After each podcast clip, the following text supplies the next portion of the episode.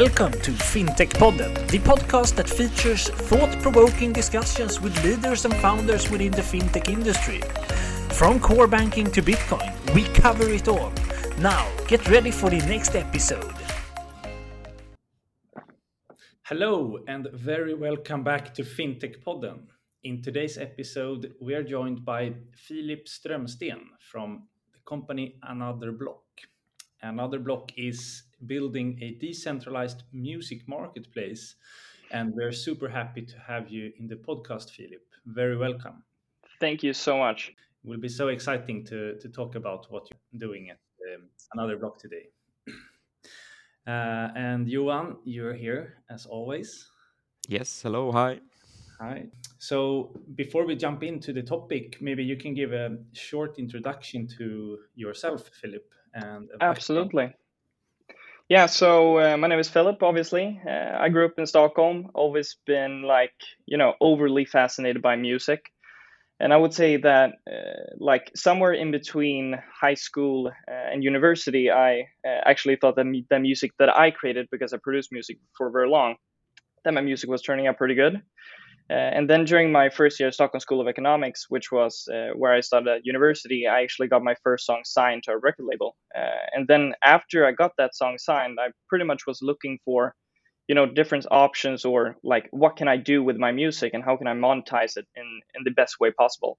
Uh, and simultaneously, I would say that the trend of selling your music catalogs within, uh, you know, artists today that was booming. Uh, and I pretty much figured that why can't I, uh, as you know, myself as an artist, sell my music and like maybe first and foremost, why can't I invest uh, in in my music and other music? Uh, and then out of a coincidence, pretty much, I found Michelle, who is my co-founder, who had been exploring kind of similar financing solutions within uh, Web3. Uh, and I would say that with the whole democratization aspect of you know Web3 and my vision of maybe introducing music as an asset class for for normal people to invest in, uh, it all really made sense. Uh, and then I pretty much dropped out of Stockholm School of Economics, uh, and we started working together uh, on this company. Nice. That's really a great uh, story and, and good background. Uh, we're so excited to hear more.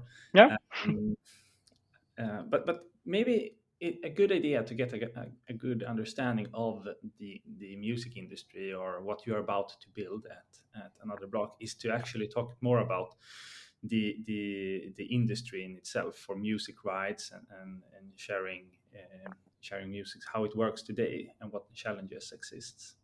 Yeah. Uh, 100% uh, and i think to to kind of begin there i think it's like makes sense uh, or it's necessary if i give like a brief introduction to music rights in general because it's very very complex uh, and not coincidentally you know one of the reasons to why it exists challenges in the first place. Uh, so i think to, to begin with music rights are pretty much a normal copyright uh, which says that when a song is for example streamed on spotify uh, then the people have made that song uh, they should be paid money uh, which in the music industry are called royalties and the people that made the song they are you know normally producers songwriters they can be the artists themselves they can be many others uh, and all of these shall receive money uh, when their song is streamed or consumed. Uh, so pretty much when a song is streamed on Spotify, for example, Spotify pays different entities, uh, which pays all of these different people who have been uh, in the making of that song. Uh, and the problem here is that the whole financing model within music rights and how musicians get paid today is very old and is very, you know, rooted within the industry. Uh, and I would say that due to its complexity, pretty much, it's very difficult to find innovative solutions which make this whole payout to musician artists uh, a lot more effective. Uh, and I would say that this kind of core uh, issue brings us down to the core challenge within the music rights industry, uh, because it is so like complex and it's so hard to change. Uh, and this is almost why you have seen, you know, such tremendous innovation on you know the distribution side of music. They have Spotify, have iTunes, you have tremendous innovation on how you listen to music, but there's almost no innovation at all in how musicians get paid. Them all have been pretty much the same uh, for for centuries, pretty much. Uh, and I think that that is pretty much the core challenge within the music rights industry that is so hard to change because it's so old and it's so rooted within the industry. Uh, and because of that, it's so hard to be innovative and you know create solutions that that make the artist uh, benefit from it pretty much and, and taking like um, a macro view on the like whole uh, music market like what type of players are there like yeah. and are there the same uh, across the world or are, do we have local ones uh, i know we have like four or five big um, music companies right that kind Absolutely. of own kind of all the main street um, uh, music rights and so on but what's your view on the market I mean, you have a bunch of different, like to begin with, you have labels, for example, and label pretty much represent the artists. Uh, and then you have publishers, which is why you have, you know, Universal Recording uh, and you have Universal Publishing. Universal Recording is a label, and Universal Publishing is the publisher. Uh, and publishing companies they represent the songwriters uh, and the ones that actually compose the music, but they aren't necessarily the artists who, you know, stand behind uh, behind the music. So in that sense, you have three kind of big players, and those are Universal, Warner, and Sony and these are what you normally call the three majors uh, within the music industry. But then you have, you know, a bunch of indie labels. Uh, you have uh, a lot of kind of collection societies which collect royalties locally. So you have STIM uh, in Sweden, for example. They collect royalties on behalf of songwriters, uh, and then you know pay out to their publisher, who in turn pays out to to the songwriter. So so it's a very complex um, kind of area but but it still exists a lot of players, and it's not that you know monopolized uh, in that sense. Hmm. And, and and who do do you have any competitors today, or do who do you see as your competitor? Maybe yeah, you talk about it generally. Or...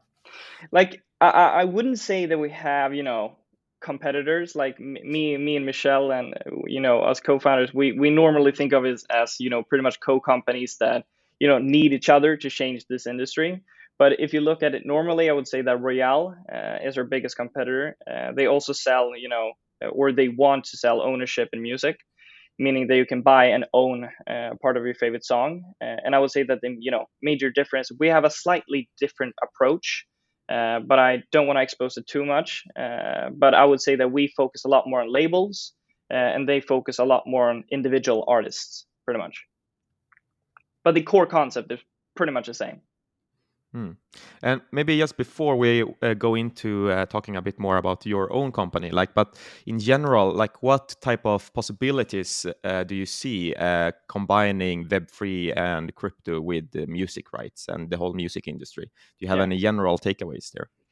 Absolutely, and I would say that the uh, I would say that the biggest kind of takeaway is that you don't have to trust us as an entity. You know, whenever you put money in a bank or when you you know listen to spotify or give information to to a you know a company they have to trust that company. And when you actually buy you know the the songs on our platform because it's decentralized we don't own it. Uh, so I, I, would say that that is the kind of biggest biggest like unique proposition that you don't have to trust us uh, as an entity for uh, to actually make the sale and another good aspect is that we have, you know, a global reach uh, from day one because it is so global and it is decentralized. Uh, and like Chad, I also think that the possibilities for for labels when it is decentralized to to maybe use our product and use our pretty much technology, uh, maybe for their own like Web three platform or pretty much whatever they want to do. I think that uh, it's like endless possibilities, pretty much. Mm. And. Um talking about decentralization and, and so on, what what uh, blockchain will you be building your the NFTs? We read a, an article about you and, and the NF, NFTs. Uh, so, so, what will be you be building on? Yeah, so so we're actually building it uh, kind of blockchain agnostic, meaning that we can pretty much change uh, the blockchain if something would happen. So currently we're building it on Polygon, uh, which is a layer two solution of Ethereum. Uh, that said, we have seen that you know Polygon during January faced some uh, quite big issues, like in terms of gas fees and you know how, how much it actually costs to use Polygon. Uh, so because of that, we're always kind of exploring, you know, kind of different other solutions to uh, maybe other blockchains that can work better. Uh, so so we've kind of built the product very blockchain agnostic in that sense that if something happens to Polygon, then then we can change to another pretty much. Uh, and maybe it's a good time to start looking into uh, your company, uh, Another Block, a bit. Um, Yeah. Can you please tell us, like, do you have an elevator pitch for Another Block? Yeah. So I would say like to to make it easy, I would say that another block makes it possible to to own a part of your favorite song. Uh, and just like when you buy stocks, you know, i- in that sense, you own a part of a company. Uh, when you use another block, you you own or buy a share of you know a song uh, instead. So just like when you receive dividends from normal stocks uh, on another block, you receive money when when the song gets streamed uh, on Spotify, for example. So on the investor side, you you get the opportunity to own a part of your favorite song and then share the like success with with your favorite artist. Uh, and on the artist or label side, or the ones who are actually selling the songs, they have the you know the opportunity to divest part of their songs uh, and receive money directly. Uh, and in addition, you know they also get a very much closer relationship to their fans because they're actually owning something together with their fans, uh, which is a you know a very unique uh, possibility that haven't really existed before. Interesting. And um, how how did you start another block? Could you Yeah. walk us through the, your journey? Absolutely. So I, I mean, I, I pretty much men- like mentioned this during my introduction, but uh, it all started pretty much with me getting a song signed to a record label, uh, and after that, I kind of looked into like what can I do with my music, uh, but also the the music industry in general. And, and like a side note on this, I've always been like a huge fan of Avicii. Uh, it was pretty much the guy who inspired me to start making my music, and I've always thought that you know ever since I you know, began a fan of him, I always thought that the idea of owning a part of his song would be so cool. Uh, and then pretty much all of a sudden, you know, when when I started looking into music industry, uh, all of a sudden every artist started selling their catalog. They started selling their their music rights. Uh, but only big companies could, you know, buy them and actually participate in these transactions. Uh, so I pretty much figured, why can why can't we create a marketplace where everyone uh, can buy fractions, but for a smaller price tag, pretty much. Uh, and then I met Michelle uh, out of a coincidence. I want some feedback on, you know, the overall idea, uh, and he got hooked instantly. Uh, and then we met our like third co-founder, Sebastian, uh, which is CDO, uh, and we all pretty much started working together. And this was around September, I would say. And since then, I mean, we have improved the team. So right now we're like eight people working full time. We closed our first investment round of 1.2 million dollars. Uh, we have like finished developing the basic functionality of the platform, uh, and I would say that the biggest thing is that we have become one of the first to actually put music rights or you know intellectual property on the blockchain, uh, which is uh, really really cool. And then of course we have also kind of established partnerships with uh, some very very interesting uh, artist labels and producers, which we are very very excited to present uh, when we launch. Interesting. And uh, congrats on the fundraising. Thank you. Uh, but just to make it clear in my mind, like if you compare it a bit with the traditional music industry that you Yep. described in the beginning, like where in the ecosystem will you jack in, or is it like a new separate ecosystem, or will they live in parallel a bit? I would say that they're going to live in parallel. Uh, I think that to begin with, we're using a lot of you know the old school industry because I don't think that you can enter as a you know a new company and then try to disrupt the industry from the ground up pretty much. So so what we are trying to become is just a way for uh, you know normal people in today's industry or normal artists in today's industry to to sell a part of this like their songs just as you know companies IPO their business to uh, to receive funding. Uh, I would say that the same principle uh, kind of goes there. But yet again, we're exploring, you know, every possibility pretty much with with blockchain. And I would say that the whole thing of putting copyright on blockchain, but you know, that creates endless opportunities, uh, like in the sense of actually disrupting the business, because then you don't have to have all of these copyright agreements. They just have a token which says that you own this, uh, instead of having you know tons of papers who says that. Mhm. Um, and and um, you, you mentioned that it, it will be uh, possible to trade those um, rights. Uh, uh, Yep. Is, is that will that be through a decentralized platform? It will it be your own, or will it be uh, centralized, or how will that work? like it, it will be through uh, through our own uh, and uh, yeah that's pretty much it like we we have a platform we have a marketplace you can go in uh, and buy your NFT, and then you can connect, you know, a decentralized wallet, for for example, as MetaMask, and then you can store them there, and then you can take them wherever you want. Uh, and I would say that that in itself creates more opportunities than than just you know investing in music because all of a sudden when you can have or a label can have their copyright on you know displayed as NFTs, then the whole administrative work becomes a lot easier because you can just you know give your artist this nft which states that you have 30% instead of you know as i said before writing tons of papers who who says that mm-hmm. uh, but uh, but it's decentralized in, in that sense um, so maybe now it's early in the product and so on, but yeah. in the future, like, do you have any vision on how the whole music industry for the end users will change? Like now, when you can like own uh, rights to the music you're listening to and support artists and so on in that way, but will it change anything like how we consume the music as well, like through Spotify and so on? Like, with will the end user um, notice any changes in in the future? Yeah, I, I would say that it depends on what you mean when you say end user. I mean, we're a marketplace, so we have users on you know both sides. This is what makes marketplaces so so difficult. So I, I wouldn't say that we're trying to change how normal people uh, would consume music. Uh, so mm-hmm. we're we're not trying to pretty much create an alternative for Spotify. But what can happen with these kind of uh, you know innovative solutions that we came up like with is that instead of Spotify paying all of these different entities, then Spotify can pay the artist directly, and that is what blockchain, you know, makes it, it makes that possible. Uh, so I, I, envision that in the future, I, I, think the whole kind of industry will look differently, uh, and I think the end user, in in the sense of the artist, uh, they are the ones who are going to experience the actual change, and maybe not the the normal person, pretty much. Okay, when when do you believe that uh, you you will have something out for the market? Because your product is not launched yet, right? No. Uh, so what we're looking at is that we uh, want to launch in in a few months. I would say that we're going to launch in in approximately May. And what you will be able to do when we launch is pretty much buy and own a part of your favorite song, and then you know receive royalties once that streams.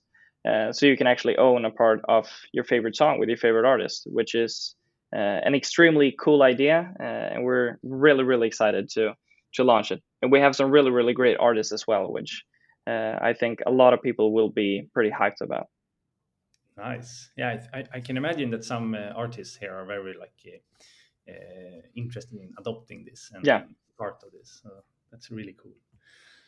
Um, let's jump into our like final questions. Um, so the first one here is a bit more on your what, what do you see uh, that the, the whole ecosystem for music rights will be in the future with with the solutions like you're you're creating? What actors yeah. will there be, and uh, will there be some some kind of um, uh, guarantees that validate when a song is a unique and correct and not fake. You know, we have had this all fake yeah. stuff on with blockchain and everything like that. Hundred percent. Uh, no, but like for for me, uh, I'm certain that the ecosystem for music rights will uh, will be so much more simpler than it is today. I mean, we you know went through that in the beginning, and I think that that is you know the core challenge, and I think that is where it's going to be the biggest changes, pretty much. Uh, and I would say that with our solution of you know bringing copyright to blockchain, uh, we can simplify music ownership tons. So imagine that you can own an NFT which says that you have 10% of a song instead of tons of papers and agreement which says that you own 10% of a song. Mm-hmm. Uh, and also, if you want to sell like 1%, then you can just do that with a click. Uh, and I think that his vision like is very compelling and is very flexible for artists in uh, in regards to how they monetize their music more financially. Uh, and like in terms of like validation and uh, like authentication, uh, I would say that we're working on that a lot. We're trying to develop some sort of uh, way to authenticate when uh, or um, like we're trying to develop a way for normal people to see if the NFTs that come from us uh, are valid or not so that you can actually make like look like are this a real nft or is it just a scam because it is a big problem uh, and it's something that we're working on a lot right now hmm. but I but I would say like the, the biggest way or the easiest way to see that is just to look at who actually created the NFT. Uh, then you can see uh, if it's real or not. But yet again, it's uh, it's difficult. Absolutely. Mm. and I think it, it's very fascinating the the whole industry and the changes that are happening and so on. And I think like many agree that it's really time for changes here. Uh, I can recommend a podcast from uh, a podcast called Acquired. They walked through the history of Taylor Swift and her interactions with yeah. music labels and so on. and that is a really fascinating story, like how she has been fighting against the record labels like for the last couple of years, and 100%. like it it ended up with her like re-releasing some of her songs in another version and so on. So really recommend to listening to that podcast. Yeah. And I think they covered a lot of the problems that you mentioned in this episode as well. Absolutely. Like... and I would say that the Taylor Swift example is, you know, a very good example of how music rights works as well. Because mm. before she, you know, released her new music, uh, then she owned that music with her label uh, and with other people. And then when she re released that music, uh, then there was a completely new recording. And when it's a new recording, it's new master rights, meaning that she will collect all the money who came uh, when that recording is used. So, so I think that it's uh, it's a very good way of pretty much visualizing how how the music rights industry works. Hmm. Right, and and where do you see another block in, let's say, the near future? A year, yeah. five years, something like that. Yeah, I would say like during our first year, uh, I mean, our core product is obviously introducing music uh, to the free market. I think that everyone should be able to buy a part of the favorite song. Uh, and I think in the next five to 10 years, I really hope that we, like as a company, can be a part uh, of accelerating the process of making music rights management uh, as easy as possible for you know all players involved. That goes for artists and, and labels as well so that labels don't have to you know navigate through the system of cop like music rights because it's so complicated that they can have a clear system to begin with that when they release music they can say here is your token here is your 30% uh, and then distribute it that way. Uh, i think that's a much more compelling vision uh, compared to having tons of agreements uh, which are so hard to read and, and, no one understands them you know except lawyers. So uh, uh, I really do believe that that is the future, and I really hope that we can be a part to accelerate uh, that process. Hmm. No, but um, yeah, super interesting, and uh, times really flies when you have fun and uh, have the opportunity to, to learn a lot. Uh, so thank you, Philip, so much. But uh, before we round off today's today's conversation, like we usually ask, like do you have any favorite fintech or Web3 crypto company that you think uh, are doing a good job out there? And you cannot mention another block, of course. No, I mean, uh, I would say that I really like what Robinhood uh, has done to investing, like or or the, to to the investing space, and I think that there are a lot of like visionary similarities between us. Uh, and and I really think that the way that they have made investing, you know, a lot more fun and engaging, and they have decreased the barriers to, to entry. And I think that is very important, especially for uh, the younger generation, because it is hard to understand. Uh, and they have made it so easy to understand and also so fun to use. Uh, in in that way, uh, they have you know democratized uh, investing. Uh, yeah, they've democratized investing as everyone now can buy stocks directly. and I think the same principle goes with us that we want to introduce music to the free market, uh, Uh, in an easy and engaging way. Uh, and you know uh, that is because music is such a fun investment to begin with. So obviously we want to increase the user experience and make it as fun as possible. Uh, so I, I really uh, believe Robinhood has done a really great job there of creating something that is boring to begin with a lot more fun. Nice. Um, a great uh, example of a company that, that do a great job. Yeah. yeah. Um, but yeah, we're super happy that you have been here talking about this super exciting uh, journey that you are, have started. Uh, thank you so much. Thank you. And, and, we're looking forward to follow the journey. And maybe we yeah. can have a follow up uh, episode in the future. 100%.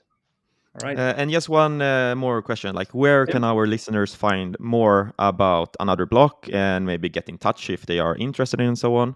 Yeah, uh, I would say that they can visit like we we have a site, but but it's more of a landing page. But you have our mail and information how you like contact us. But then I would say that you go to like Twitter, Instagram, uh, and also join our uh, Discord channel uh, to to find pretty much every information you you need to have. Uh, and they should be watching out this spring, right before summer, Yes. summertime. Yeah, Exactly. Nice. We're gonna launch in May. exciting. All right, that's it for today. Thanks for listening, everyone, and have a nice day. Thank you. Bye bye. And that was it for today's episode. We hope that you liked it. Both I and Johan are very happy and thankful that you're listening to us. And if you like what we do here, please go into iTunes or whatever platform you're listening from and leave a review or a rate. We would appreciate that a lot. We will soon be back with another episode, and until then, have a good time.